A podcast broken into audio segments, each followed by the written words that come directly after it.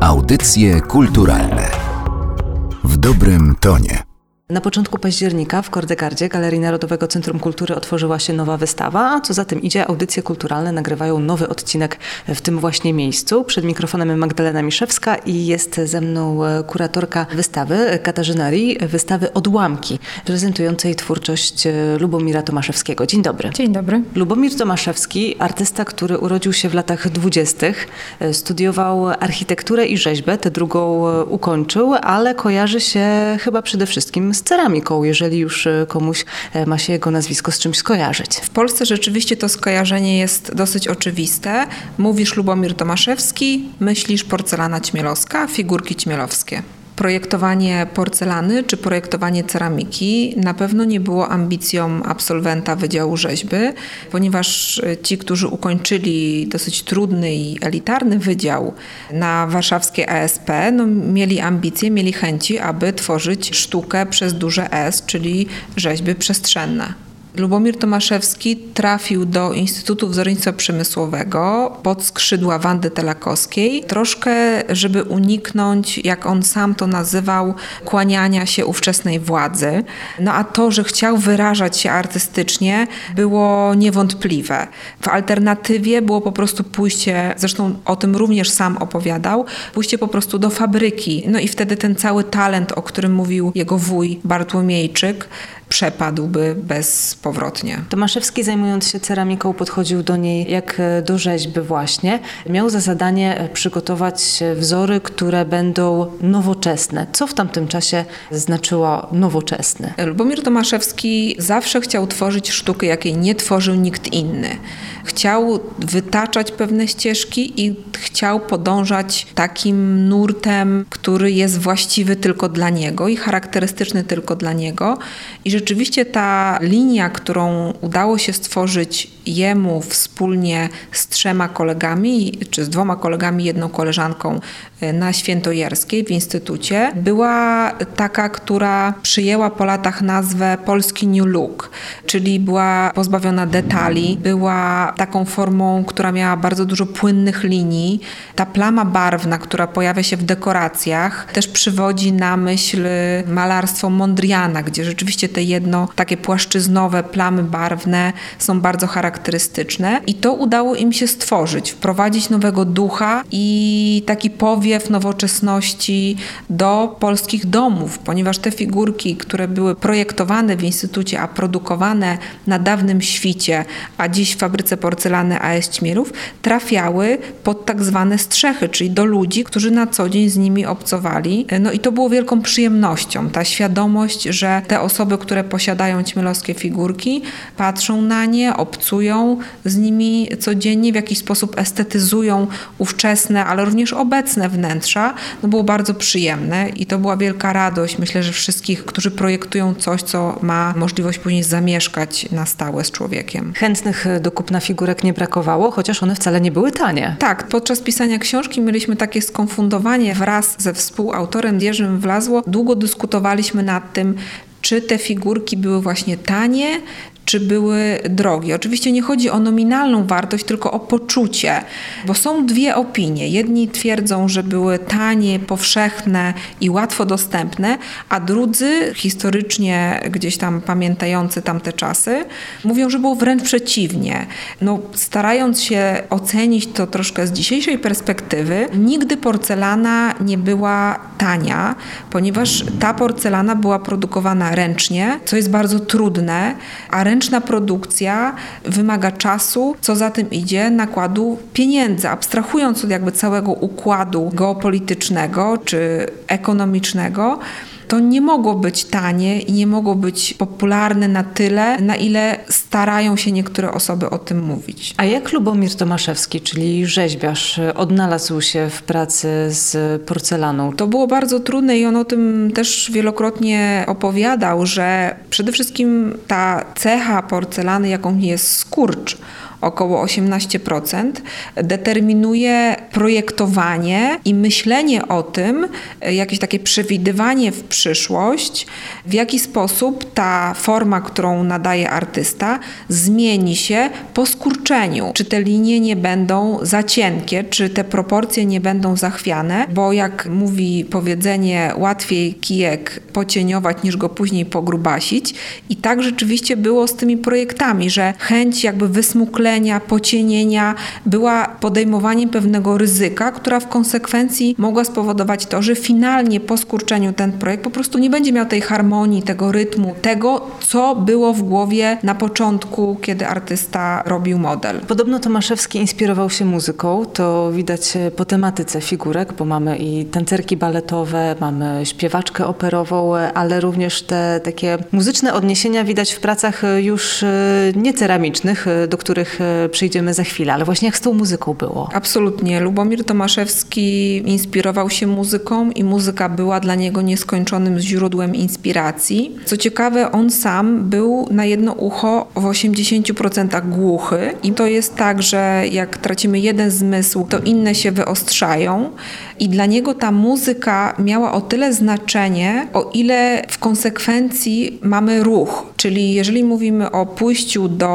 opery na przykład, czy do miejsca, gdzie ta muzyka odgrywa bardzo dużą rolę, to na pewno Tomaszewski wybierał zawsze te miejsca, gdzie w towarzystwie muzyki idzie za tym przedstawienie wizualne, czyli bardziej opera, operetka, balet niż filharmonia, no ze względu na to właśnie, że był głuchy to wywoływało w nim takie emocje, tak mocno na niego wpływało, że później w konsekwencji no, możemy oglądać rzeźbę Barysznikowa, tancerzy, tancerki, no takich tancerek stojących na płęcie naprawdę jest co najmniej kilkanaście i to widać, że to rzeczywiście mocno na niego wpływało i chciał o tym opowiedzieć, chciał to przekazać w swoich y, i obrazach i rzeźbach. Jeszcze mówiąc o porcelanie, warto wspomnieć o serwisach do kawy, które także projektował Tomaszewski, które były nagradzane między innymi złotym medalem na Międzynarodowej Wystawie Form Przemysłowych w Paryżu. Tak, mówi się, że ta wystawa otworzyła Tomaszewskiemu drogę do Stanów Zjednoczonych, a w zasadzie nie ta wystawa, co sam projekt. Y, kiedy Lubomir Tomaszewski pracował nad formą serwisu Dorota, do Warszawy przyjechała pani Vanderbilt i historia mówi o tym, że wsunęła mu pod projekt właśnie, pod taką kartkę, na której naszkicowany był projekt filiżanki do serwisu Dorota wizytówkę z takim nieformalnym zaproszeniem przyjedź do Ameryki, ja ci pomogę. I on sobie to wziął do serca, a na tamte czasy posiadać wizytówkę, taki kartonik z nazwiskiem pani Vanderbilt, no to było coś. I rzeczywiście ten zbieg różnych zdarzeń spowodował to, że on w 1966 roku z tą karteczką z nazwiskiem pani Vanderbilt znalazł się na Manhattanie i poszedł do biura pani Vanderbilt no z wielką nadzieją, że ona pomoże mu, tak jak obiecała, odnaleźć swoją drogę, odnaleźć swoje miejsce w Stanach Zjednoczonych.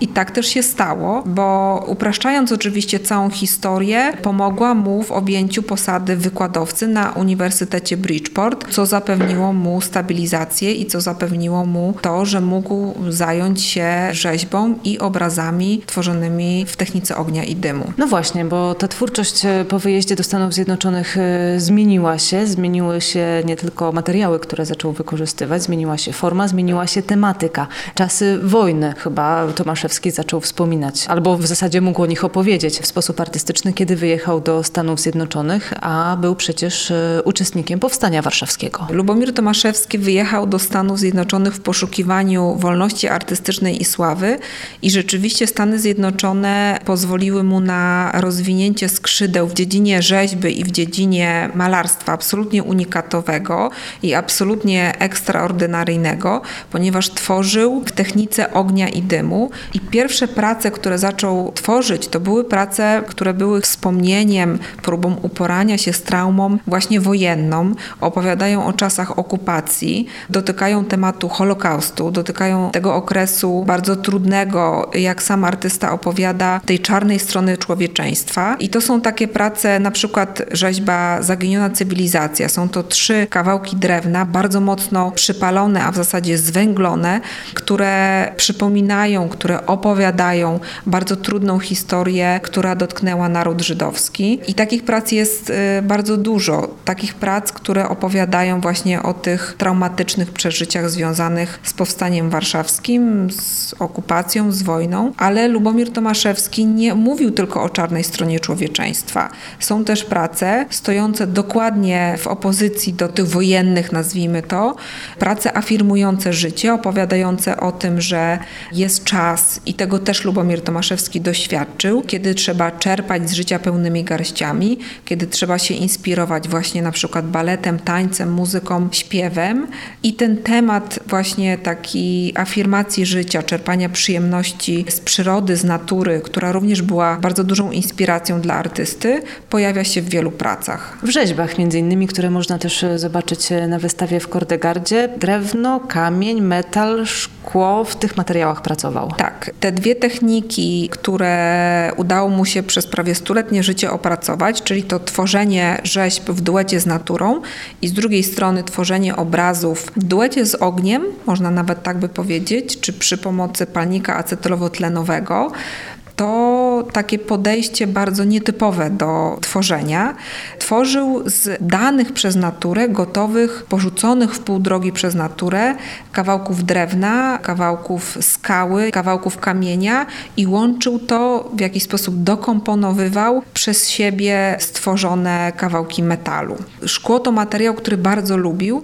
W 1964 roku, kiedy w Kordegardzie była pierwsza wystawa Lubomira Tomaszewskiego i wtedy również były pokazywane prace, których częścią było szkło. Także rzeczywiście to, o czym Pani wspomniała, czyli metal, drewno, y, naturalny kamień, szkło, to materiały, w których Lubomir Tomaszewski y, doskonale wyrażał samego siebie. Ale w XXI wieku, na początku XXI wieku y, wrócił do projektowania ceramiki. Tak, Lubomir Tomaszewski na początku 2000 lat dostał propozycję od obecnego właściciela fabryki porcelany AS Ćmielów Adama Spały, aby wrócić do projektowania figurek porcelanowych dla Ćmielowa.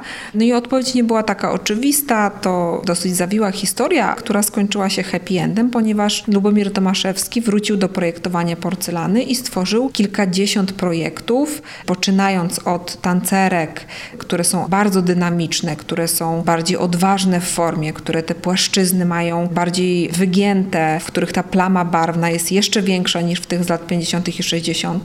i stworzył również kilkanaście zwierząt, których był absolutnym admiratorem. Jeszcze wracając do tego, o czym rozmawiałyśmy wcześniej, do twórczości Tomaszewskiego właśnie w Stanach Zjednoczonych, tej poza porcelanowej, e, wspomniała Pani o tych związkach z naturą, a skoro związki z naturą, to jeszcze emocjonalizm, o którym trzeba powiedzieć. Tak, Lubomir Tomaszewski poza tym, że był rzeźbiarzem, projektantem porcelany i malarzem, był również wykładowcą i również był teoretykiem sztuki, czyli zastanawiał się nad sensem tworzenia, nad rolą sztuki, nad rolą artysty. I z tych rozważań, z tego myślenia o tym sensie wynikły pewne tezy, pewne założenia, które w konsekwencji zrzeszyły wokół tej idei, którą reprezentował Tomaszewski, grupę osób, która mówiła o tym, że to, co jest najważniejsze w sztuce, to, co jest sensem sztuki, to emocje właśnie, ale emocje pojęte w taki sposób, że z jednej strony mają być to emocje artysty, a z drugiej strony mają być to emocje widza, odbiorcy. Aby dzieło sztuki było skończone, musi być ta druga strona, czyli ten widz, który w taki czy inny sposób odbierze to dzieło sztuki i nie przejdzie wobec niego obojętne. Kiedyś Lubomir Tomaszewski został zapytany, czy uważa pan się za artystę spełnionego i co by mogło o tym świadczyć. I on powiedział takie zdanie, że jeżeli choć u jednej osoby uda mi się wywołać dzięki mojej pracy łzę, uśmiech, westchnienie, czyli jakąś emocję, to uznam, że całe moje życie miało sens, no bo to właśnie było sensem emocjonalizmu, czyli sensem sztuki, jaką tworzył Lubomir Tomaszewski. Przez e, ostatnie lata pracę Lubomira Tomaszewskiego, przez ostatnie pół wieku pracę Lubomira Tomaszewskiego można było częściej oglądać poza granicami naszego kraju, nawet częściej w Stanach Zjednoczonych e, niż e, w Europie, a artysta podobno bardzo chciał pokazać swoje prace w Warszawie. Tak, zawsze marzył, aby znowu pokazać, zaprezentować się warszawskiej publiczności, bo urodził się w 23 roku w Warszawie i Warszawa była jego ukochaną małą ojczyzną i zawsze, kiedy rozmawialiśmy o kolejnej wystawie, dopytywał, że no dobrze, wystawa w Brukseli, no dobrze, wystawa w Genewie, no dobrze, wystawa w tym czy innym miejscu, a kiedy będzie w mojej ukochanej Warszawie? Niestety artysta nie doczekał tego momentu, kiedy ponownie jego prace zawitały do Warszawy, ale był tu z nami duchem, chyba tak trzeba powiedzieć. Chciałabym opowiedzieć o takiej historii, która przydarzyła się, kiedy montowaliśmy tą wystawę. Rzeźba, która nosi tytuł Flying to Freedom, która była zaprojektowana właśnie na wystawę w Pałacu Narodów w Szwajcarii, była spakowana oryginalnie przez Lubomira Tomaszewskiego w pudełko, które z jednej strony ewidentnie sugerowało otwarcie tego pudełka. I tam też w tej Szwajcarii tą rzeźbę otworzyliśmy, po wystawie ją zapakowaliśmy w to pudełko i w to samo pudełko spakowaliśmy rzeźbę do Kordegardy i i dzień przed otwarciem wystawy, nie wiadomo dlaczego, nożykiem trymerowym otworzyłam to pudełko dokładnie nie w miejscu, gdzie naturalnie powinnam je otworzyć. I proszę sobie wyobrazić, że po otwarciu tego tyłu tak naprawdę pudełka znalazłam liścik od Lubomira Tomaszewskiego, mówiący kilka słów na temat tej rzeźby, o tym locie do wolności, to było niesamowite, bo rok po odejściu artysty znajdujemy wiadomość od niego na temat tej pracy, która prawdopodobnie, gdybym nie otworzyła tego pudełka z tej nienaturalnej strony, no ten liścik prawdopodobnie by przepadł na wieki. No nie wiem dlaczego tak się stało, ale rzeczywiście poczułam ciarki na plecach i poczułam jakąś taką obecność, nie wiem, mentalną, duchową radość z tego, że wreszcie udało się pokazać tą twórczość Lubomira Tomaszewskiego w Warszawie. W takim razie zapraszamy widzów, bo bez nich e, wystawa będzie nieudana na wystawę odłamków z biografii, z twórczości Lubomira Tomaszewskiego, bo tu i prace z lat 50. E, i, i sprzed lat kilku i kilkunastu się e, znajdują. Także do 3 listopada jest e, czas, żeby sprawdzić, jakie emocje w Was te prace wywołają. A moim gościem była kuratorka wystawy Katarzyna Rii. Dziękuję bardzo. Dziękuję bardzo. Audycje kulturalne w dobrym tonie.